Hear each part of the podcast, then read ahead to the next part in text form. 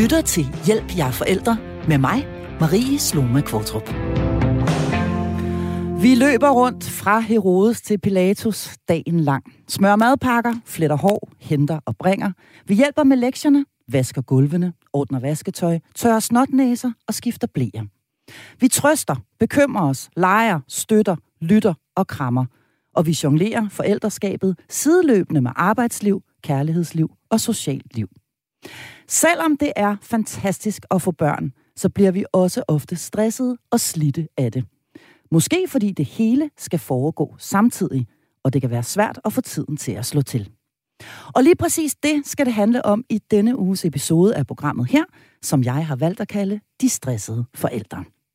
Med mig har jeg to fantastiske medlemmer af mit panel. I dag der er det forfatter og medstifter af Familiepolitisk Netværk, Karen Lumholdt. Og så er det pædagog og familierådgiver, Tina Brandt. Og du kan ganske som vanligt ringe ind til os undervejs i programmet. Det gør du på 72 30 2 gange 44. Du kan også sende en sms. Her der skriver du R4, laver et mellemrum, efterfulgt af dit spørgsmål eller din kommentar, og så sender du ellers bare afsted til 1424. Velkommen til Hjælp. Jeg er forælder. Og Karen Lumholdt, hvad, øh, hvad er det i øh, dine øjne, som stresser børnefamilier af nu 2021 mest? Det er, at man øh, skal have et arbejdsliv samtidig med, at man er ved børnene de aller, aller vigtigste år i deres liv. Ja. Altså, altså de 5-7 år, som danner et barn, som er fuldstændig afgørende for, hvordan det barn udvikler sig øh, øh, psykologisk, der er vi meget travlt optaget af også at have et arbejdsliv. Så vi skal simpelthen for meget samtidig? Og så selvfølgelig også den måde, børnelivet har udviklet sig på i dag, øh, som er meget mere komplekst mm. end det egentlig behøver at være. Mm. Og jeg ved, at du jo mener, at der simpelthen sådan helt overordnet strukturelt er, er noget i vejen med den måde, vi har indrettet vores samfund øh, på, og det skal vi tale rigtig meget mere om i det her program. Men jeg kunne godt tænke mig lige at bringe dig på banen også, øh, Tina Brandt. Du er pædagog og familierådgiver, har en anden faglighed, end, øh, end Karen Lumholdt har. Hvad er i, øh, i din optik det mest stressende ved at være forældre i dagens Danmark? Men det er, at, det, at livet nærmest er et overlevelsesmarathon. Altså det er som om, at hver dag skal overleves frem for at leves. Øhm, I gamle dage, der var, der var der sådan bred enighed om, hvad der var normen, og hvordan man skulle leve livet. Det tog afsæt i Bibelen, eller i sådan nogle gode borgerlige dyder. Mm. Øhm, og det kan man mene om, hvad man vil. Men i dag, der er der, der er ikke nogen rigtig måde at leve livet på. Og, øh, altså, og det, det betyder, at hver enkelt hele tiden skal tage stilling til, hvad der er det rigtige for os. Og jeg tror ikke, at vi har godt af så mange valg. Mm. Øhm, fordi det betyder, at vi hele tiden kan bebrejde os selv, at vi har valgt forkert. Og mm. det, det, det er der ikke nogen, der har godt af. Så det er... Altså, det stresser der... at skulle stå på tær hele tiden for at være, gøre det rigtige. Mm. Så det er i virkeligheden hamsterhjulet her, du øh, beskriver. Det er simpelthen selve det at befinde sig i et hamsterhjul, der er stressende i sig selv. Jamen, fordi livet med børn kan jo ikke planlægges og struktureres. Det er der nogen, der har bildt os ind, at hvis vi nu bare lægger en plan og, og strukturerer, men børn er uforudsigelige, og øh, gudskelov for det. Mm. Øhm, men så er det, der sker det, altså, hvad er det, når man siger, livet det er det, der sker, mens du har travlt med at lægge andre planer. Mm. Og, øhm, og det, det stresser også, når der sker noget andet, end det vi troede, der skulle ske, eller det vi havde planlagt. Og det gør der, når man har børn. Mm. Vi skal dykke lidt ned i de forskellige fak- øh, faktorer, som, som, som stresser også øh, øh, moderne forældre. Jeg har her i den forgangne uge spurgt i programmets Facebook, øh, Facebook-gruppe, hvad der stresser folk mest. Øh, og her, der går den helt suveræne førsteplads simpelthen til syge børn. Prøv lige at høre her, hvad et, øh, par, øh, en, en medlem af, af gruppen her skriver. Sygdom er nummer et. Det, at jeg aldrig ved, hvornår vuggestuen ringer, eller om jeg er på arbejde næste dag, eller må tage barn syg. Jeg har verdens bedste arbejdsplads, hvor jeg bliver mødt med forståelse og gode bedsteforældre, der sørger for, at vi får støtte, men det er virkelig en stressfaktor, både under sygdom og når det egentlig går godt. Og en anden mor, hun skriver sådan her, at se og høre min datter varme op til sygdom for tredje, fjerde eller femte gang på få måneder, når hverken mit eller min mands schema kan kapere mere fravær på arbejdet. Især fordi vi uomtvisteligt selv bliver syge lige bagefter. Hvis vi er heldige på skift, men ellers samtidig hver eneste gang. Sygdom i familien, den evige stressfaktor, fordi det ganske enkelt jo lægger alting ned, når et barn er sygt, og vi ikke kan fortsætte hverdagen, som den ellers var planlagt. Vi skal øh, senere her i programmet se nærmere på, hvad der kunne afhjælpe denne her stressfaktor, men lad os øh, lige prøve at blive lidt ved øh, de her ting, som stresser aller, aller først. Øh, og sygdom er altså en, øh, en, af, de, øh, en af de helt øh, store. En anden ting, som øh, unægteligt stresser os, det er jo øh, alt det, som jeg ved, at øh, du, Tina Brandt, kalder for projektledelse. Øh, vi skal tale mere om det her sygdom om lidt, men lad os lige få projektledelse på banen også her. Øh, hvad dækker det over? Jamen, det dækker over at skulle forholde sig og håndtere alt det, der også hører med til at være en familie. Mm. At orientere sig på Aula, at huske, når barnet skal have svømmetøj med, øh, arrangere legegrupper og sociale arrangementer, og man mm. vil gerne lave hjemmelavet gave, gave til oldemors fødselsdag, øh, og man skal til juleklip og faste lavn. Og hvem er det, der skal køre drengene til kamp på lørdag? Altså, det er mm. jo et stort logistisk helvede. Mm. Og øh, altså, det tror jeg også presser os, for der, der er simpelthen for mange ting. Øh, informationshelvede. Mm. Mm. Informationshelvede, Karen øh, Lumholdt. Får vi for mange informationer sådan generelt, som vi som moderne forældre skal forholde os til nærmest 24 timer i døgnet, set med dine øjne? Ja, altså du fortalte jo selv her inden programmet startede, at du på en dag havde fået 50 beskeder. Ja. Bare på Aula, ikke? Jo. Det er, nu har jeg også øhm, utrolig mange børn, men ja, det er rigtigt. Ja, ja. altså, vi har jo gjort livet meget, meget kompliceret for os selv. Mm. Øh, og jeg tænker tit, at, øh, at problemet er i bund og grund, at vi hele tiden skal transportere os fra et sted til et andet. Mm. Altså, hvis vi kigger på, på den klassiske familie, eller på naturfolk, så er de jo det samme sted stort set hele tiden. Altså, de, flokken befinder sig det samme sted, ikke? Og så er der mm. måske nogen, der tager ud og jager, men, men øh, det har så været møderne, men det kunne i princippet lige så godt være fædrene, mm. der ligesom er det samme sted med børnene. Mm. Og det er jo den måde, børn de trives bedst ved, at de ikke hele tiden skal flyttes fysisk fra det ene sted til det andet, mm. men at de kan få lov at tulle og lege og udvikle deres lege, fordybe sig. Men vi har skabt en hverdag, hvor børnene hele tiden skal flyttes fra det ene sted til det andet. Mm. Hele tiden, altså med ekstremt små tidsintervaller. Skal de flyttes? Skal de afbrydes? Skal altså rent fysisk skal rent de simpelthen fysisk, hele tiden flyttes? Ja og transporteres, mm. og, og, og have en masse kommandoer. Skynd dig nu, gør nu det, husk nu det, har du kigget dig til højre, har du kigget dig til venstre. Hele tiden flytte sig mm. fysisk, og, og det er virkelig, virkelig anstrengende, både for os, der skal stå for logistikken, og for børnene. Mm. Altså, for, for børnenes psyke er det meget opslidende. Mm.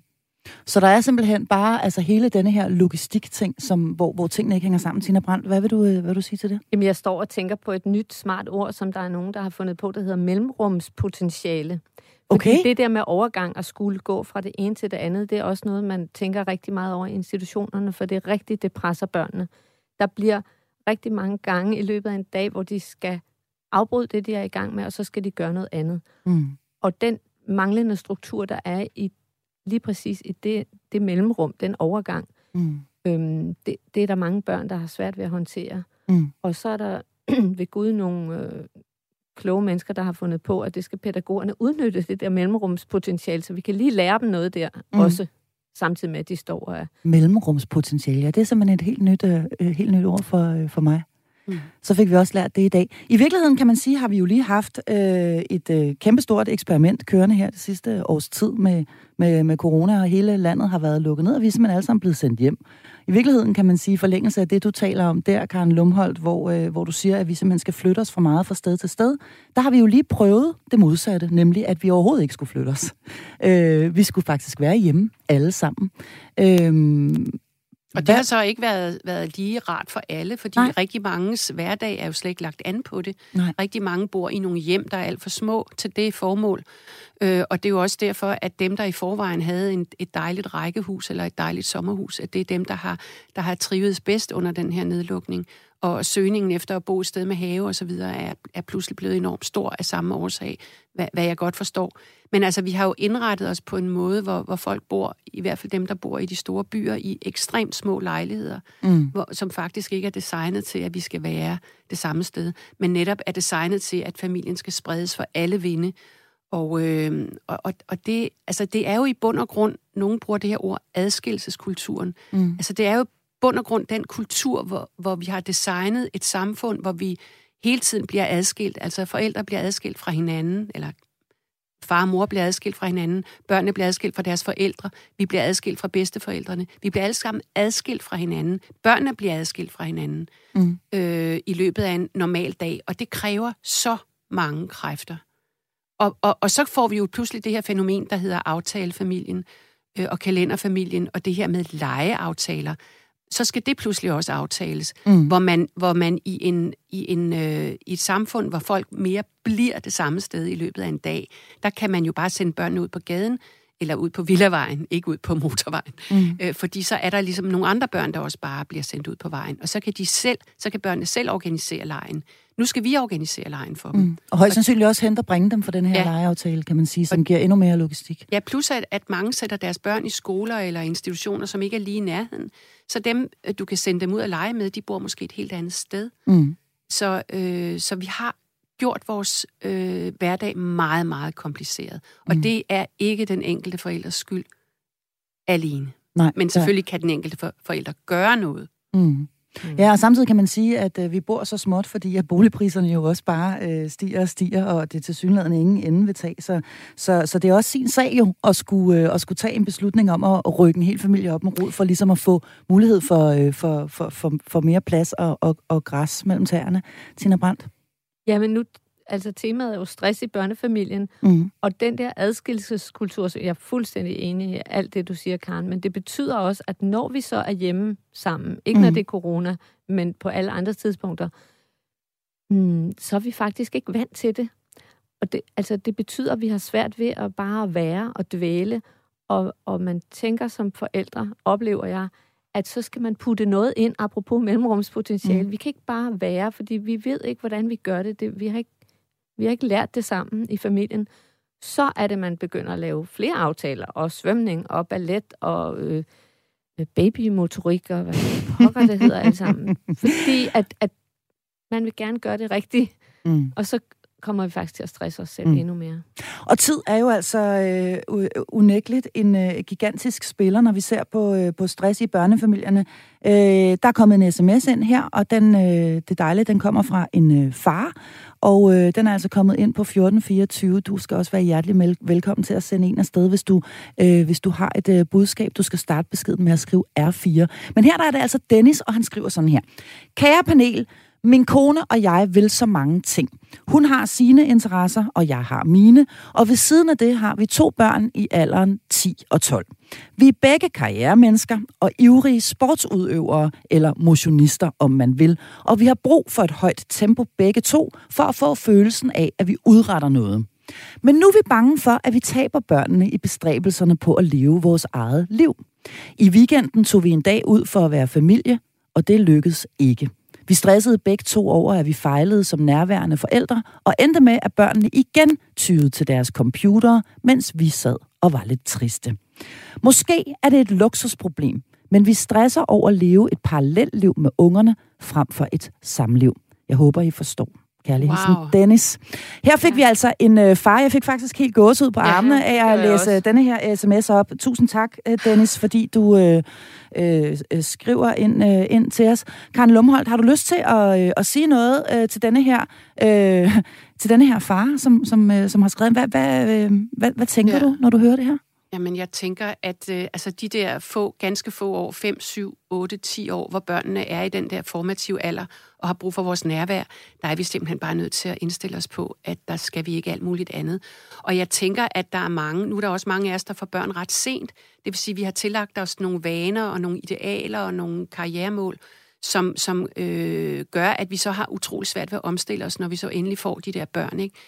Øh, og, og jeg tænker igen, at der er nogle, noget samfundsmæssigt, noget strukturelt i det, fordi vi, vi bliver stopfodret fra vi er helt øh, små børn og unge teenager med, hvordan vi skal se ud, hvordan vi skal træne, hvordan vi skal være i mm. vores karriereliv, mm. og, og, og hele vores utroligt materielle samfund øh, gør, at vi har så svært ved at gøre det, som er det allervigtigste i livet. Mm. Bare at give omsorg, bare at være til rådighed, bare at være nærværende, bare at være der for dem, vi elsker allermest. Og det bliver ikke sat ret højt. Der er ikke særlig meget status omkring det i vores samfund. Jeg er mor, jeg er en skidegod mor, jeg har ryddet min kalender for at være en skidegod mor eller far mm. i de her de år. Jeg synes sagtens, man kan gå på arbejde samtidig med, at man er gode forældre, men man kan ikke gøre det fuld tid. Mm. Og jeg vil ønske, at både far og mor vil gå ned i tid. Mm. Problemet er så, at de, de år, hvor de har små børn, synes de alle sammen, de skal også tjene så mange penge, fordi de har så mange udgifter, jamen så må vi flytte ud af de der skide store byer, hvor der er så dyrt at bo. Altså. Mm. Og så punkt et, du kan fandme, undskyld, jeg banner, fordi mm. jeg bliver virkelig berørt af den sms, ja. han har sendt. Ja, ja. Altså, du kan fandme nå alt det der, når børnene ikke længere er så små. Mm. Altså, når du er 40, så er du stadigvæk lækker og, og alt muligt andet, og kan mm. nå at, at blive super fedt, og kan nå at, at give den maks gas på karriere. Ja, vi bliver jo altså cirka, øh, altså vi bliver jo, kan man sige, ældre og ældre også, så det her med, at vi skal nå det hele på samme tid. Jeg beder også rigtig meget mærke i den her sms, som altså rørte mig, øh, fordi at han jo har en, øh, en klokkeklar erkendelse af, at der er ja. noget galt. Mm. Øh, og, og jeg tror, han taler, undskyld, ja, jeg ja, tror, han taler på rigtig mange vegne. Ja. Og det er derfor, det er sådan en fantastisk sms. Ja, ja. det er det virkelig. Ja.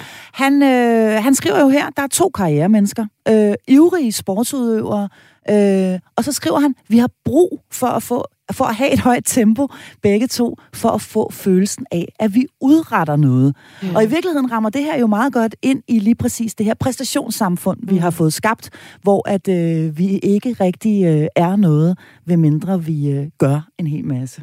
Øh, Nej, og det, jamen det værste er, at, at det børnene jo heller ikke, så bliver børnene eksponent for, om vi har lykkedes som mennesker, altså om vi er lykkedes med ikke at løbe en øh, helmarathon eller lave triathlon, men, men så kan vi poste, at øh, lille, lille gut har, har mm. scoret øh, hen i fodboldklubben, eller øh, er blevet dygtig til et eller andet, frem for bare at være.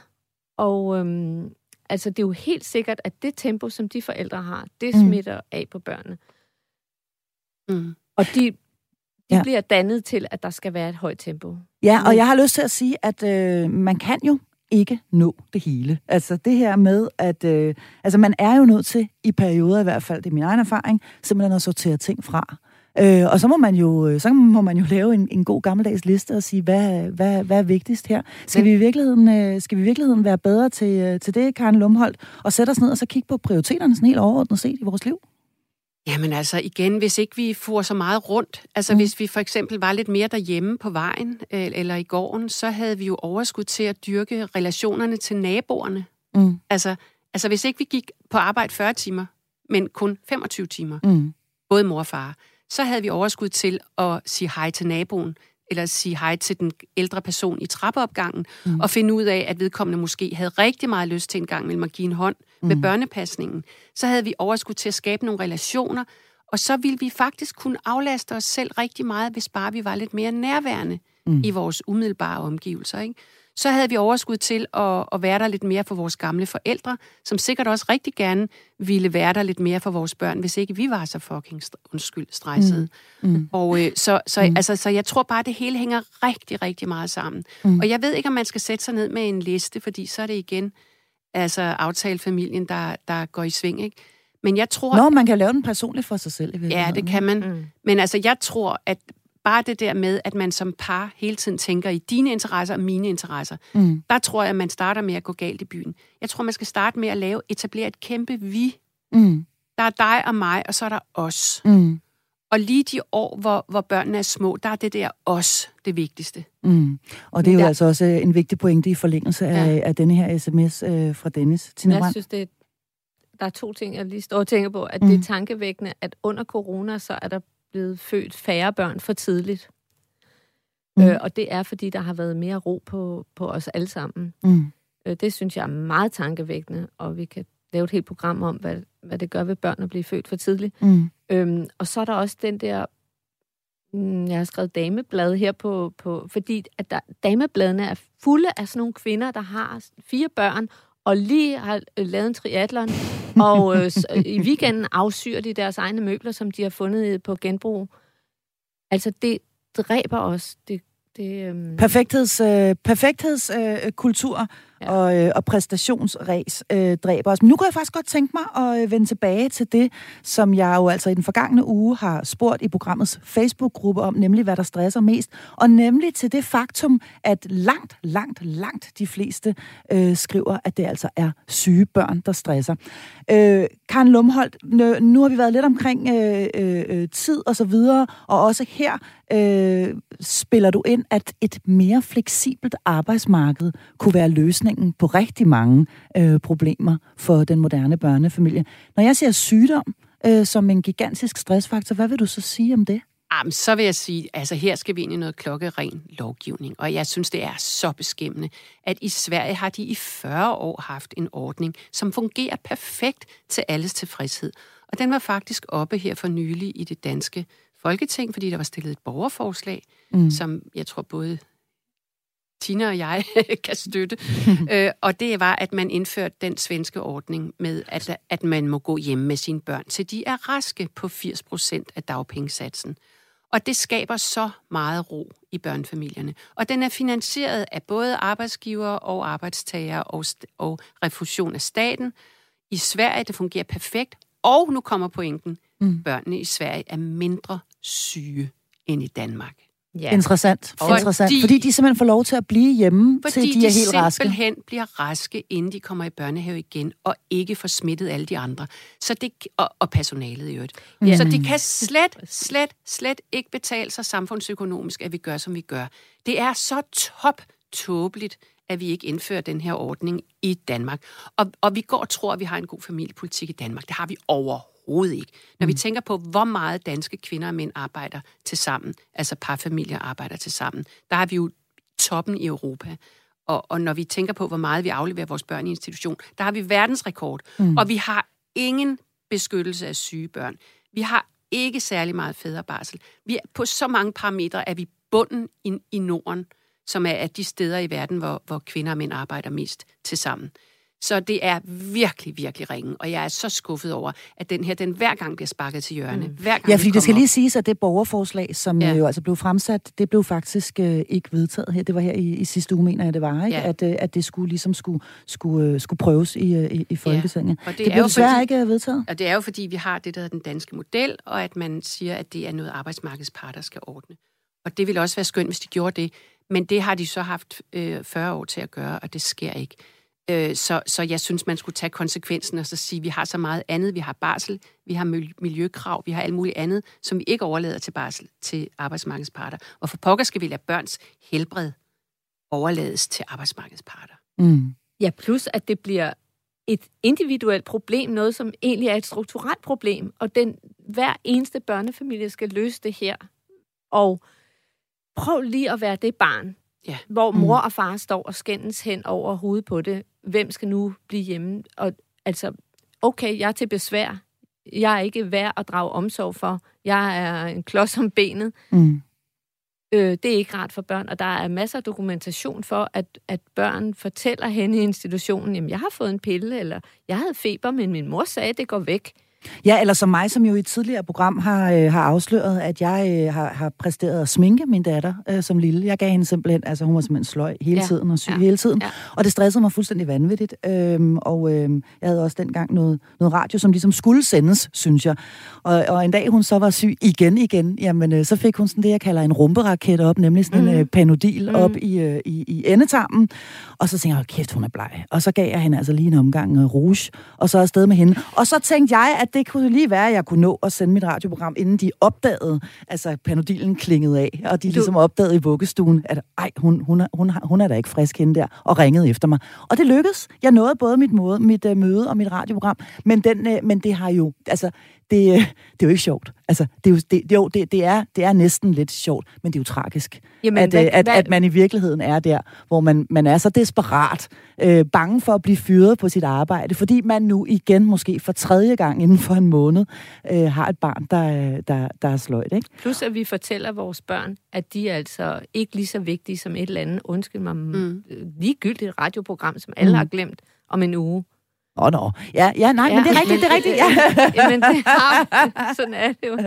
Jamen, det er fuldstændig rigtigt, og øh, jeg, jeg fortæller det somme heller ikke med stolthed, men for at sige, at så presset ja. kan man mm. altså blive, øh, og, øh, og kunne vi dog for pokker ikke gøre et eller andet men ved prøv lige det. At tænke, prøv lige at tænke på, hvordan vi er med vores arbejde. Ikke? Vi går på kurser, vi, vi har HR, vi har mus-samtaler, mm. vi snakker om teambuilding, vi, vi drager utrolig meget omsorg for vores relationer på arbejdspladsen, eller lederne gør det i hvert fald, og de sidder går på lange kurser i, hvordan man kan hjælpe medarbejderne og, og følelsesmæssige ting og sager og sådan noget på jobbet. Vi bruger enormt mange ressourcer på vores job. Vi udvikler os. Vi synes, det er det, det, er det vi fortæller om, når vi, når vi sidder til en, et middagsselskab. Mm. Så fortæller vi om, hvad der sker af spændende ting på vores jobs. De år, indtil børnene er otte år, de er så vigtige. Prøv at tænke på, hvordan du selv vender tilbage i dit mm. voksne liv, vender tilbage og tilbage og tilbage til, til de år, til de svigt, til, til den skilsmisse, til, til den følelse af at blive overset, til den følelse af ikke at blive elsket, til den følelse af at være udenfor i klassen, og der var ikke nogen, der tog sig af det, til, til, til de øh, omsorgsvigt, du selv har oplevet i de der år, indtil du måske blev 10 år. Du mm. vender tilbage til dem igen og igen. De fylder så meget. Når du sidder som 80-årig, vender mm. du stadigvæk tilbage til de år. Mm, det er byggestenene, kan man sige. Ja. Det er det, vi skal bygge resten af vores, af vores liv på i virkeligheden. Og vi giver det ingen respekt. Jo, måske helt, helt inderst i vores mave, der hvor knuden sidder, hvor vi har ondt i mm. maven, der sidder den der. Mm. Og der, hvor den far, Dennis, der skrev ind til os lige før, han i hvert fald øh, havde ondt, det var, øh, det var helt øh, tydeligt, måske uden at vide helt, hvad han skulle stille op med det. Der er kommet en sms øh, mere, og det er, den kommer i, øh, i forlængelse af, af det, vi, lige præcis det, vi taler om her. Den lyder sådan her. Sjovt nok går både jeg og min mand hjemme, og vores barn, som nu er 17 år, har i rigtig mange år været irriteret over, at vi altid er hjemme. Sådan var det dog ikke, da han var lille, men det er alligevel lidt sjovt. Hvorom alting er, så kender vi pinefuldt, hvordan syge børn smittede vores barn hele tiden i børnehaven. Det var så nederen. Det var altså en øh, sød lytter, som øh, skriver ind til os her. Øh, og to hjemmegående forældre til øh, kun et barn, så det er helt i den, øh, helt i den, ja. i den anden Og, og jeg, op, jeg oplever rigtig mange, øh, desværre, som, som bryder ned med stress, øh, mens de har små børn, og så vælger de på et eller andet tidspunkt at gå ned i arbejdstid, eller blive selvstændige iværksættere, eller et eller andet, blive freelancer, sådan så de har et mere fleksibelt arbejdsliv. Problemet er bare, at de gør det for sent. De mm. gør det først, når børnene er 8-10 år. Mm. Og faktisk, at de vigtigste år er overstået. Mm. Og vi, gør, vi skal jo være sød ved Dennis og alle de andre karriereforældre, fordi det, det er jo der, belønningen ligger. Mm. Der er jo ikke særlig meget belønning i et, et barn med 40 i feber, og som der kaster op og laver lort ud over det hele. Så, så det er jo derfor, vi plejer vores arbejde så meget, fordi vi også har brug for at føle os vigtige og værdifulde. Føler os succesfulde simpelthen, ja. og det er der, vi, øh, vi kan få et, et mere sådan direkte output i virkeligheden, og spejle os i og sige, nå, men nu fik jeg løbet 10 kilometer, og jeg er blevet forfremmet, eller Det er meget lidt mere. nemmere ja. at sætte i bokserkasser, som jeg sagde tidligere, altså ja. at strukturere med børn kan man ikke strukturere. Nej, men man kan mærke i sin mave, hvis der er noget galt, og det, det kunne Dennis også her. Jeg er vild med den sms.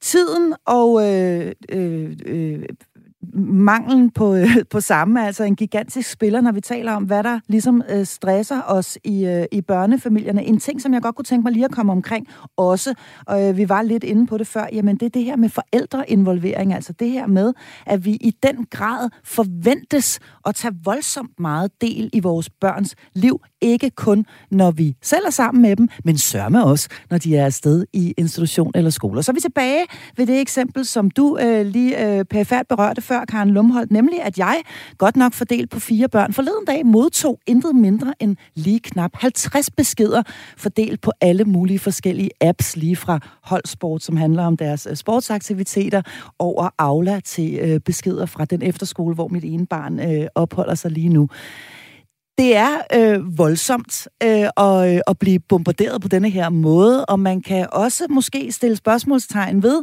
øh, Tina Brandt, nu kigger jeg på dig, du har været institutionsleder i rigtig, rigtig mange år, øh, om det egentlig gør noget godt for os, eller om det egentlig bidrager med særlig meget, at vi skal se billeder af, af, af, af lille Ole, som, som, som skovler mudder med en skovl, eller have at vide, at nu er der igen igen en i børnehaven, der har lus. Har forældreinvolveringen øh, taget overhånd i dine øjne? Øh, ja, absolut. Jeg, jeg tror, altså det, det, det er både et politisk projekt, mm. altså at det lyder virkelig godt med brugerinddragelse og bestyrelser, og øh, vi skal, nu skal man i institutionerne være partner med forældrene, fordi vi har jo lige ansvar for det her. Og det, det ved Karen rigtig meget mere om, end, end jeg gør. Men jeg tror også, at en af grunden til, at det er eksploderet, som det er, selvfølgelig fordi det er blevet nemt med mm. Aula og sms'er, og mm. øh, øh, at man, vi hele tiden kan komme i kontakt med hinanden, men også fordi, at lærerne og pædagogerne er jo også presset. Så jo mm. mere ansvar, man ligesom kan uddelegere til forældrene, øhm, altså blot det at få nogle forældre til at komme og arrangere den der kagedag eller mm. plantedag mm. i børnehaven, mm. så, så skal pædagogerne ikke bruge deres kostbare tid på det. Øhm, men det bliver til sådan en mudderkastning, hvor man hele tiden prøver at give ansvaret mm. til nogle andre. Mm. Og vi skal faktisk øh, til at tale øh, lidt mere om, hvad det egentlig gør ved os, øh, når vi er øh, stressede. Det skal vi tale om nu. Du lytter til Hjælp, jeg er forældre. Ja, vi taler altså om øh, stressede forældre i denne her øh, uges episode af programmet her, hvor jeg har to medlemmer af mit panel med mig, forfatter og medstifter af Familiepolitisk Netværk, Karen Lumholdt, og pædagog og familierådgiver Tina Brandt. Du kan fortsat ringe ind til os, hvis du har lyst til det. Det gør du på 72 30 2 gange 44. Du kan også sende en sms, og her der skriver du R4, og så sender du ellers afsted til 1424. Vi har ridset nogle af de øh, største sådan, stressfaktorer op, og nu skal vi øh, tale en lille smule om, hvad det egentlig gør ved os, men så sandelig også ved vores børn, når vi øh, render rundt af, og er stresset. Øh, Karen Lumholdt, jeg ved, at, øh, at du simpelthen øh, overordnet arbejder med et begreb, som du kalder for etisk stress. Har du ikke lyst til at fortælle os lidt om, hvad det betyder? Hvad dækker det over? Jo, altså det er, det er meget anerkendt inden for det offentlige, altså sygeplejersker, lærere, pædagoger osv., apropos det, som Tina lige fortalte om før med, når man er pædagog og er stresset, at øh, det, som stresser de offentligt ansatte, det er egentlig ikke bare, at de har for lidt tid, men også, at det, de gør, strider imod deres øh, faglighed mm. og deres samvittighed. Mm. Altså de ved, altså en socialrådgiver, som er uddannet til at tage sig af mennesker på kanten af samfundet, og som bare sidder og udfylder en masse kolonner. Mm. Hun, hun bliver jo dybt frustreret, mm. fordi hun øh, godt ved, at det er slet ikke der, hun, hun, hun, hun udfylder sin faglighed bedst. Og jeg bruger bare parallellen i forhold til familierne, fordi øh, jeg tror, at øh, rigtig mange mødre og fædre går rundt med den her etiske stress ind i maven. Altså, de, de, de vil gerne, øh, at det hele skal se pænt ud. De smiler og, og fortæller sig selv, jamen alt er jo godt, og mine børn går i en fantastisk børnehave. altså, og, og, og min søn er startet på en helt vidunderlig skole. Der er godt nok tusind elever, og, og lærerne render forvirret rundt og har pisse travlt. Men det er en fantastisk skole. Han er kommet i en rigtig god klasse, ikke? Mm. Og, vi, og, vi, øh, og det er han måske også, og, og heldigt, hvis det er sådan, det er. Og heldigvis har vi nogle fantastisk dygtige offentligt ansatte i Danmark. Mm. Men jeg siger bare, det er den etiske stress. Det er ikke nødvendigvis manglen på timer mm. i døgnet. Det er det krydspres, vi er udsat for inde i os selv. Altså den mm. indre konflikt imellem det, vi godt ved, vi burde gøre, nemlig mm. være et pattedyr, mm. som tager os af vores unger, mm. og så det, vi gør. Og, og, og derfra snap direkte over til, at man står og giver sin toårige datter rouge på og afleverer hende øh, syg det i vuggestuen. Det skal jo give ondt i maven. Du, øh. ja, du spurgte før, hvad, hvad skal alle de der SM, øh, aflager mm. billeder, hvorfor skal jeg se mm. de der billeder hen fra børnehaven? Det er fordi, de er med til at underbygge den store kollektive løgn, som Karen taler om her. Hvis jeg ser mit barn med den der smukke plante, som han har været med til at plante, mm. øh, så tænker jeg, at det er en fantastisk børnehave. At pædagogerne så, altså drengen legede et helt andet hjørne af legepladsen, mens pædagogerne stod og plantede for de havde faktisk ikke tid til at have børnene med. Ja. Det ved vi ikke, og så henter vi Anton, når, når, når blomsten er blevet plantet, så vi kan tage det der billede og lægge på Aula. Mm. Det er et stort kollektivt bedrag. Mm. Og så kan vi samtidig lige lægge det ud på Instagram også, når nu øh, vi er i, øh, i øh, gang. Et stort kollektivt øh, bedrag, det, øh, der kommer en hel del sms'er ind lige nu. Det er jo dejligt, så vi må jo øh, tale ind i noget, som folk kan relatere til her. Der øh, kommer der en, som jeg lige har lyst til at læse højt. Og igen har vi fået en far på banen. Lovgivning er fint, men forældrene må også tage ansvar. Det duer ikke at sige, politikerne vil ikke, så kan jeg ikke. Vi har selv valgt at få børn. Lav et aktivt valg. Flyt ud, så det er billigere Gå hjemme. Find dig et deltidsjob. Børnene skal ikke tages til gissel i forældrenes ræs, ligesom forældrene ikke skal tages til gissel i konkurrencestaten. Tag aktiv valg. Gå imod strømmen. Kærlig hilsen, Alexander, 29 år og hjemmegående far til to. Yes! Hvad siger du, Karen Lumholdt? Jamen, jeg tror så meget... Altså, undskyld, jeg bliver simpelthen så rørstrøms. Det må være, det må være min alder, der gør, at tak, jeg... Alexander. Der er bragt tårer frem i øjnene på Karen Lumholdt. Nå, men jeg tror simpelthen så meget på den nye generation af fædre. Ja. Jeg bliver virkelig rørt. Ja. Altså, de tager ed og hylde mig ansvar. Mm. Er det stærkt, ja. det her, Alexander? Det er det. Måske netop, fordi Alexander selv var den dreng, der stod ja. der for 20 år siden og ikke fik den omsorg, han havde lige brug for. præcis, lige præcis. Altså, jeg har jo faktisk holdt kurser for unge, der gerne vil flytte på landet. Mm. En nebengeschæft, jeg har, det er faktisk at hjælpe unge familier med at flytte på landet. Altså, vi har et kæmpe problem med at rekruttere pædagoger i København. I må ikke tale mere om Nej. Jamen, jeg vil bare lige sige ja. det der med de 29-årige, fordi der sad jeg faktisk med sådan en helt flok 29-årige mænd og kvinder mm. på det der kursus. Og så havde vi sådan en runde, hvor vi snakkede om, hvordan de selv var vokset op, og de græd, Gjorde de det? de græd sgu. Hvorfor? Og jeg, jamen, Altså- fordi de havde følt et mega svigt Mm. øh, fra deres øh, altså fravær. De havde følt sig ensomme. Mm. De havde følt et fravær deres karriereforældre. De, de voksede op der i 80'erne. og De har været 90'erne. parkeret i institutioner og, og, og, og så videre i ja. alt for mange timer om Og de dagen. havde godt nok alle deres Gameboys og alle deres ting og sager og cykler og hvad de ellers havde af fine ting. Men de følte sig ensomme, og sådan ville de bare ikke have, at deres børn skulle vokse op. Mm. Og de sad der med deres gravide maver og deres små bitte babyer og ville flytte på landet. Mm. Mm. Nu bliver jeg helt rørt. Ja. Vi har to øh, rørte kvinder øh, øh, inden her. Altså, jeg, mit næste spørgsmål øh, er, øh, er næsten overflødigt nu, men altså, er det her, jeg, jeg har skrevet ned, er det her et fænomen, som i særlig grad rammer kvinderne? Altså, at vi, øh, at, at vi, øh, at vi simpelthen går rundt og, og får den her etiske stress og ondt i maven, og synes, at der er et eller andet helt galt med den måde, vi indretter os på, og at vi skal aflevere vores små børn, når vi i virkeligheden slet ikke har lyst, og samtidig øh, måske heller ikke føler, at vi slår helt til på arbejdsmarkedet. Vi kan jo høre her for de her sms'er, og nu kommer der Gud hjælp med endnu, endnu en ind fra, øh, fra en far, øh, at det rammer ikke kun kvinderne. Øh, så øh, så, øh, så jeg, jeg, er næsten, øh, jeg har næsten lyst til at sige, at øh, sms'erne her er svar nok i sig selv. Det rammer både øh, mænd og kvinder. Skal vi ikke lige tage en sms mere, når nu vi er i gang? Skal vi se, om vi kan bringe nogle flere øh, tårer frem i øjnene på Karen Lumholdt og Tina Brandt. Denne her, den lyder sådan her. Goddag. Skyldes stress ikke primært, at folk er forvente? Øh, de skal alle bo det perfekte sted. De skal have to biler. De skal på ferie tre gange om året, og så videre, og så videre. Jeg har sat mig økonomisk, så jeg kan leve fint på dagpenge. Jeg har tre børn. Jeg er hjemme hver dag kl. 13.30 og har oceaner af tid til at lege med dem. Man kommer ikke på, vi, er, vi kommer ikke på udlandsferie, og vi har heller ikke dyre biler. Cykler hver dag for at begrænse mine udgifter osv. De er kun børn én gang, og det skal nydes. Med venlig hilsen, Daniel. Så her var der altså øh, endnu, en, øh, endnu en far, der, der kom på banen, Tina Brandt. Jamen, jeg ved ikke, du, fordi du har sagt, at jeg må ikke øh, komme med redskaberne for tidligt. Er det okay nu? Du må godt komme med nu. Kom altså, med jeg dem. synes jo, det Daniel har gjort, det er, at han har sat sig ned og tænkt over, hvad er det egentlig, der er vigtigt for mig? Mm, Og vi talte lidt om, at familien skulle finde ud af os, eller det sagde du, Karen, tidligere. mm, Hvad er det, der er det vigtigste for os? Jeg tror, mm. at dem, som hopper fra tue til tue og har overlevelsesmaraton, øhm, det er fordi, at de ikke er helt klar over, hvad er det egentlig, der er det vigtigste. mm, Øh, jeg synes ikke, vi skal slå dem oven i hovedet med, at de forvente. De, de prøver virkelig at leve op til samfundets øh, mm, forventninger. mm, Men hvis man øh, dropper et par afsnit af Netflix en dag og sætter sig ned sammen med sin partner, hvis man har sådan en, eller med sine større børn og taler sammen om, hvad er det vigtigste i vores familie. mm. Øh, hvis, hvis det så er, at jeg har tid til at være tre timer på Facebook hver dag, jamen så, så bliver vi nødt til at have mobilerne med ved middagsbordet. mm.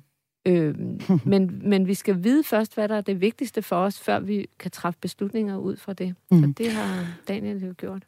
Der var en øh, 29-årig hjemmegående far til to, der Alexander, der før øh, skrev ind til os på sms'en, og øh, faktisk øh, fik øh, tårer frem i øjnene på, øh, kan jeg lige så godt sige, både Karen øh, Lumholdt og Tina Brandt, som jeg har med mig her i studiet i dag, simpelthen fordi, at han aktivt har taget et valg om netop at være hjemmegående. Øh, Alexander øh, skriver ind til os igen nu, og det han skriver her, øh, Hej Alexander her, jeg fik nemlig ikke omsorgen. Mine forældre gik fra hinanden og kæmpede ikke. De var en del af den kollektive løgn, I beskriver. Tak for et fedt program med stærke paneldeltagere. Ej, Kærlig hilsen, Alexander. Øhm, så øh, tak fordi du lytter med, Alexander. Øh, Karen Lomholdt, vil du, lige, øh, vil du lige sige et eller andet her? Kan du overhovedet sige noget? Jamen altså, jeg tror, vi får et øh, generationsoprør nu. Mm. Fra dem, der ikke vil være med til det der. Mm. Altså, vi har prøvet at tænke... Ej, altså, jeg ved ikke, hvorfor jeg er så rørstrømsk. Prøv at tænke, vi har udpint jorden nu de sidste 50, 60, ja, de sidste 100, 200 år i virkeligheden, ikke? men især mm. de sidste 50, 60 år i min levetid og mm. i Tinas levetid har vi udpint jorden helt ekstremt. Og vi har samtidig udpint mennesker. Mm. Fordi det, der ser ud som om, at vi har fået en enorm velstandsstigning, mm. det er jo, og vi har fået flere ting og ting og ting, men vi har fået mindre nærvær, mm. mindre omsorg for hinanden mm. i de nære relationer. Så vi har alt det der, det, det gør de oprør mod nu, de unge. Mm. Og det, det, og det, det, det, du bliver, og det er det, du bliver bevæget over i virkeligheden, at du ser øh, ja. en, en, en revolution, øh, og du ser, at tiderne skifter, ja. og at, øh, at de her børn af, af, af 80'erne, og, altså, og at, at de simpelthen øh, ikke vil være med til det. Ja. ja. Jeg tror, den forældrebevægelse, hvor er der en voksen, som øh, nu igen på søndag øh, har... Øh, hvor langt vil du gå for børnene? Øh, jeg kan virkelig varmt anbefale det, både inde i familiepolitisk netværk og hashtag, hvor er der en voksen. Det er et udtryk for det samme, som du siger, Karen. Vi vil simpelthen ikke længere gå på kompromis med, med vores vores egen trivsel og vores børns trivsel. Nej. Og det leder mig frem til øh, noget, som vel næsten øh, giver sig selv, men jeg har alligevel lyst til at spørge dig, Tina Brandt, når du har arbejdet med børn professionelt igennem rigtig, rigtig mange år. Hvad gør en øh, stresset hverdag og stressede forældre ved børn, hvis du kan sige noget sådan relativt overordnet om det? Jamen, jeg sagde lidt tidligere, at børn føler sig forkerte. Fordi mm. at øh, børns øh, umodenhed, altså det, den refleksion, de kan have, mm. øh, den er ikke så moden som en voksen, og derfor så vil de altid tro, at det har noget med dem at gøre, det der foregår, fordi at deres hjerne det først er fuldt udviklet, når de er 4-25 år. Mm. Øhm, så det gør det ved børn, og så får vi et, en voksen som Alexander, der egentlig har gået og følt sig forkert hele mm. sin barndom. Mm.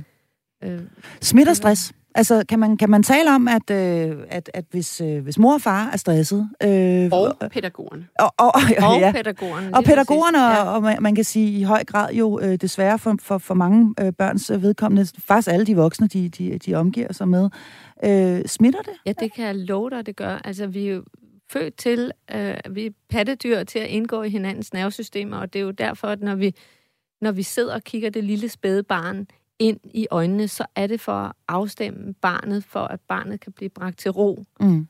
Og hvis ikke der er en rolig voksen med et roligt nervesystem mm. sammen med børn, så bliver de også urolige. Og det værste ved det, det er, at børn, der er urolige indvendigt, de får svært ved at afkode, hvad der foregår rundt omkring dem. Mm. Øhm, det som vores psykologer her fra panelet jo kalder regulering, altså det, ja, det er, de ja, er at, ja. at, at, at man regulerer øh, sine børn, øh, blandt andet ved fysisk kontakt ja. og en kontakt. Ja, og, øh, ja. og, og nærvær, og nærvær. ro, i, ja. altså frem for alt virkelig ro. Mm. Øhm, og det betyder, at når børn skal lege, eller når de skal indgå i relationer, så kan de ikke afkode, hvad der foregår i de andre børn, eller i sig selv. Mm. Og så kan de komme til at gå fra den ene konflikt til den næste og det bliver bare endnu mere øh, uro inde i dem, som altså det bliver en fuldstændig ond cirkel. Og de bliver rigtig kede af det, fordi de føler, så føler de sig afvist, og så starter det en ond cirkel, hvor ja. de får en mere og mere uhensigtsmæssig adfærd, og så Lige videre. Præcis. Så, videre. Ja. så du kan tro, det smitter. Så det er øh, stresset, øh, stressede forældre, stressede voksne i det hele taget, er, øh, er, kun, øh, er kun dårligt. Der er kommet der er endnu en far, det er maløs. Der er endnu en far på banen her Nej. i min sms-indebakke, og det er altså, øh, den, den, den her besked, den lyder sådan her. Jeg er helt enig i, at Aula-informationsmængden er helt tosset. Jeg har de første år af mine børns skolegang og børnehave forsøgt at nægte at deltage i Aula. Det resulterede i, at vi missede et par bundegårdsture med mere. Jeg har overgivet mig for mine børns skyld, men jeg deltager på et minimum. Min egen skolegang blev gennemført med en kontaktbog, Jeg har fuld tillid til undervisere og har ikke brug for daglige updates af, hvad mine børn render og laver. Jeg vil hellere spørge dem, når de kommer hjem fra skole. Lad os droppe Aula og få en kontaktbog i skoletasken. Med venlig hilsen Martin, 47, far til to børn. Tak for den sms, Martin. Og jeg er, jeg er meget, øh, meget, meget tilbøjelig man kan til godt, at, øh, at man give kan- Martin ret. Man kan godt misse bundegårdstur også med en kontaktbog, hvis man har et skilsmissebarn. Siger det bare. Du lytter til Hjælp, jeg er forældre. Godt, ja, nu skal vi altså øh, i denne her øh, uges episode af programmet her, Hjælp, jeg er forældre, nu skal vi, øh, hvor vi, vi taler stressede forældre, og det, øh, det, øh, det, det er gået hen og blevet en, øh, en, øh, en fantastisk omgang, også, også er den lidt øh, rørende øh, slags ind imellem. Men nu skal vi altså ned i værktøjskassen, og vi skal simpelthen se på, hvad vi kan gøre ved denne her stress. Øh, en tur op i helikopterperspektiv, hvor vi jo allerede har været en øh, del gange. Øh, Karen Lumhold, du er jo medstifter af Familiepolitisk Netværk, som er en græsrodsbevægelse, som arbejder for bedre vilkår for børnefamilierne. Du er en øh, vaskeægte ildsjæl, hvis jeg øh, selv skal sige det. Her nu har vi jo øh, ridset nogle af de her stressfaktorer op øh, i dag, altså syge børn, manglende tid og den her etiske stress, som giver ondt i maven. Hvad, øh, hvad kunne man øh, i din optik gøre det øh, sådan helt overordnet for at give øh, pressede børnefamilier bedre vilkår? Altså, de har jo ret, alle de her mænd, der skriver ind, at man selv må tage ansvar, og man ikke kan overlade det til politikerne. Det mener jeg sådan set også. Men når vi nu alligevel rent faktisk har et demokrati og nogle politikere, som vi selv har valgt, mm. så kunne man jo godt stemme på nogen, som forstår det her. altså, som forstår de her ting. Mm. Og, og, og så også stille nogle krav til dem, der påstår, at de øh, er sat i verden for at være børnenes øh, henholdsvis statsminister og politikere i det hele taget. Så jeg mener faktisk godt, at man kan sige, vi skal have ret til at blive hjemme med syge børn. Mm. Ikke på fuld øh, kompensation. Men efter den svenske model? Efter den svenske Ja. model. Vi skal have ret til deltid, mm. når vi har små børn. Mm. Der er der mange, der siger, at det kan, det, det, det, det kan de fleste da også få. Nej, det kan de fleste ikke få. Mm. Inden for visse brancher er det umuligt at få deltid. Mm. I Sverige har man ret til deltid, hvis ens børn er under henholdsvis 8 og 12 år. Øhm, det er vist nok lige blevet lavet om til 12 år. Så igen skal vi kigge over øh, sundet. Yes. Ja.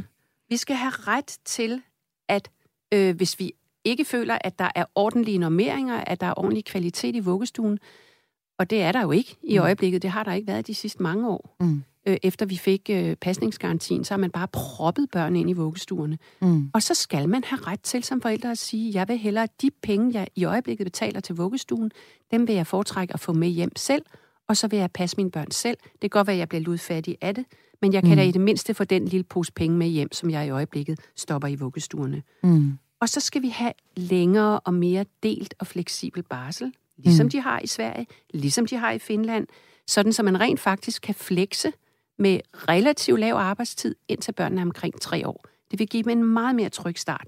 Det er fuldstændig selvopfundet, det der med, at børn de skal ud af døren, når de bliver 8, 9, 10 måneder gamle, og skal hen og socialiseres i en institution. Det Mm. har intet med barnets behov at gøre. Nej. Måske når de er omkring tre år, men ikke før. Fuldstændig. Og det skal vi lave et helt program om, Tina Brandt, det lover jeg. Jeg kan se, at du sidder med armene op Ja. over hovedet. Og så skal vi have deltidsinstitutioner med deltidspladser, altså ligesom for eksempel Steiner-institutionerne, hvor, hvor, hvor, hvor det er begrænset åbningstid. Dem skal vi have flere af. Vi skal have mere deltidsarbejde. Og hvorfor ikke placere arbejdspladser og institutioner sammen, der hvor de fleksible, alle dem, der arbejder fleksibelt nu, som arbejder hjemme efter corona, som arbejder hybridt, hvorfor ikke placere de arbejdspladser for eksempel på første salen over en institution, så man kan komme ned og arme, så man kan komme ned og give sit barn omsorg. Jeg ved godt, de fleste pædagoger, de vil skrige og løbe skrigende væk, men lad os prøve at tænke anderledes. Lad os prøve at integrere, øh, og lad os så endelig, Mm. og det er måske det allervigtigste, og det ikke, har ikke noget at gøre med Folketinget, men det har noget at gøre med ledelse, ledelse ude på arbejdspladserne. Mm. Lad os dog for pokker fortælle alle ledere i det her land, at man behøver ikke at gøre karriere, inden man bliver 40. Mm. Det er jo en almindelig øh, hypotese at tro, at hvis ikke man har gjort karriere, inden man er 37, så bliver man helt ned ad brættet. Nej, lad Mm. dog folk, både de her nye vidunderlige fædre og mødre, gøre karriere, når de er 40. For ja, og der kan man jo sige, at vi skal jo alligevel blive på arbejdsmarkedet til, til vi bliver 70. til vi bliver 70. Så der er ja. tid nok i ja. virkeligheden. Så denne her stress over ja. huller på CV'et, som det jo hedder med et øh, fornemt ord, det her kan jeg også sagtens selv relatere til. Øh, det skal vi væk fra. Det mener du altså, Karen Lumholdt, at der kan gøres noget overordnet set ved, øh, for at, at, at, at få lidt mere øh, ro på øh, forældrene. Ja. Vi har jo ikke voldsomt meget tid tilbage, men nu skal vi lige dykke ned fra helikopteren, og vi lander simpelthen midt i vasketøj og, øh, og lav på steg. Øhm, og så har jeg lyst til at spørge dig, øh, Tina Brandt, hvad kan man så som forældre selv gøre for at afhjælpe en stresset hverdag? Jamen altså, det kan godt være, at jeg kommer til at tale imod det, vi sagde til Dennis øh, tidligere med, øh, med triathlon. Øh, mm. øh, Dennis var mm. den far, som, hvor, hvor, han, hvor de var to karrieremennesker og også dyrkede en masse sport, og ja. ikke øh, øh, synes, de havde nærvær nok Fordi med deres børn. Uanset hvad, der, så er det jo ligesom i flyvemaskinen. Du er nødt til at hjælpe dig selv først, før du kan være noget for dit barn. Mm. Men det skal nok balanceres, så det ikke bliver to øh, fuldtidsmotionerende forældre. Men at, at man sætter sig ned der og finder ud af, hvad er det, der er vigtigt for mig, men også, hvor bliver jeg fyldt op? Som mm. mor eller far? Hvad er det, der giver mig energi? Og det kan jo faktisk godt være at have sit barn med i køkkenet, øhm, som skønne Boris Andersen har skrevet en, øh, en kronik om. Mm. Øhm, men, og så, vi har sagt det masser af gange, og alle siger det, sæt ambitionsniveauet ned. Mm. Sæt ambitionsniveauet ned for, hvad det er, den, det, rigt, det rigtige familieliv er. Mm. Altså, er det vigtigt for mig, at mine børn har to ens sokker på om morgenen, jamen, så må jeg jo prioritere det. Mm. Øh, jeg vil sige, det var vigtigt, at barnet selv var med til at vælge sit tøj, mm. men, men det skal man jo afgøre i den enkelte familie. Mm. Øhm, og så, øh, så det der med øh, øh, dyre gaver til fødselsdag, skal vi bruge en masse energi på og, og penge på at finde det. Altså prøv at finde ud af, hvad er det, der er vigtigt for os. Mm. Jeg tænker, at man også kan samles med de andre forældre mm. i klassen eller i børnehaven, og så sige, skal vi ikke sammen skære en hel masse ting væk? Ja. ja. Altså, skal, ja. vi, skal vi ikke ja. sammen, for vi sidder jo alle sammen med det her behov, skal ja. vi ikke sammen skære ja. julefesterne væk? øh, fastelavnsfesterne, eller, ja. eller hvad det nu er, man synes er mindre vigtigt? Det gjorde mm. vi faktisk i min tidligere institution, og det var, det var en nød, det var et tidsnød, at vi konverteret en fire timers sommerfest med boder, og jeg skal mm. komme efter dig og grille, og jeg ved ikke hvad, mm. til en skovtur i den nærliggende park, mm. som varede halvanden time. Det var perfekt. Og undskyld, jeg siger det, det er jo altså også det, vi har været vidunderligt befriet for her det seneste års tid, hvor vi har haft corona og et hav af aflysninger, og holdt der op. Øh, det kan godt være, at det ikke er, er sådan helt øh, øh, velset at sige det, men jeg har altså nyt, at øh, ikke har skulle til 7.000 øh, trivselsarrangementer og øh, øh, pizzaspisning på basketholdet og så videre og så videre og så videre. Hvor har det været rart egentlig at øh, og tænk alle de, pla- med, med tænk alle de plastikkrus, man kan spare, ikke, når man ikke skal til alle de også det, også det. Her til sidst, så ved jeg, Tina Brandt, at du er fortaler for det, som du kalder et familieråd. Øh, altså simpelthen, at man øh, sætter sig ned sammen, hele familien, øh, og taler om tingene. Hvad, hvad kan det gøre i forhold til at have en stresset hverdag? Jeg tror, vi alle sammen, især forældre, går rundt og tror, vi ved, hvordan både vores børn og vores øh, partner tænker, og hvad mm. vedkommende vil have. Men hvorfor ikke tale sammen om, hvad, hvad er egentlig vigtigt for dig? Hvornår synes du, at det er dejligt at være i den her familie? Mm. Og det kan man spørge ret små børn om også. Mm. Så simpelthen et uh, godt gammeldags familieråd. Lad det blive de sidste ord i uh, denne uges program, hvor jeg var flankeret af forfatter og medstifter af Familiepolitisk Netværk, Karen Lumholdt, og af pædagog og familierådgiver Tina Brandt. Jeg vil gerne sige tak til dig, som i løbet af ugen skrev i programmets Facebook-gruppe. Jeg vil også samtidig gerne lige reklamere for netop denne gruppe, hvor du altså kan komme med input, og du kan stille spørgsmål til programmets paneldeltagere. Tak til dig, som sms'ede ind her undervejs. I særlig grad tak til alle de fædre, der fik bragt tårer frem i både Tina og Karens øjne, og selvfølgelig også tak til dig, som lyttede med. I næste uge har jeg igen et nyt emne på programmet, og du kan allerede nu godt begynde at glæde dig. Jeg har nemlig børnelæge Morten Skrøder og børnepsykolog Marie Tolstrup med mig til at tale om selvstændighed. Mit navn er Marie Sloma Kvartrup. Rigtig god weekend.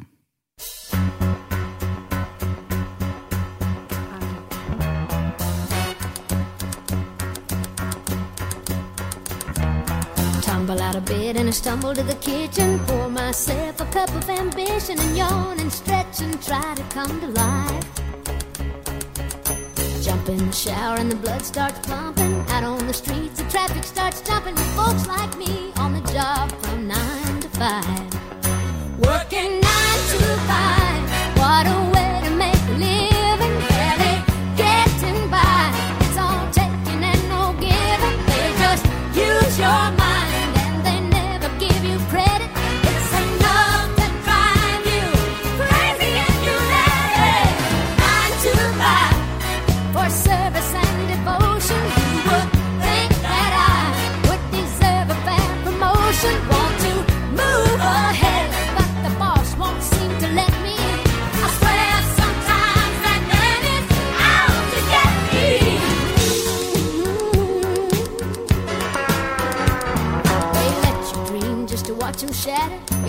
Step on the boss man's ladder, but you got dreams he'll never take away. In the same boat with a lot of your friends, waiting for the day your ship will come in and the tide's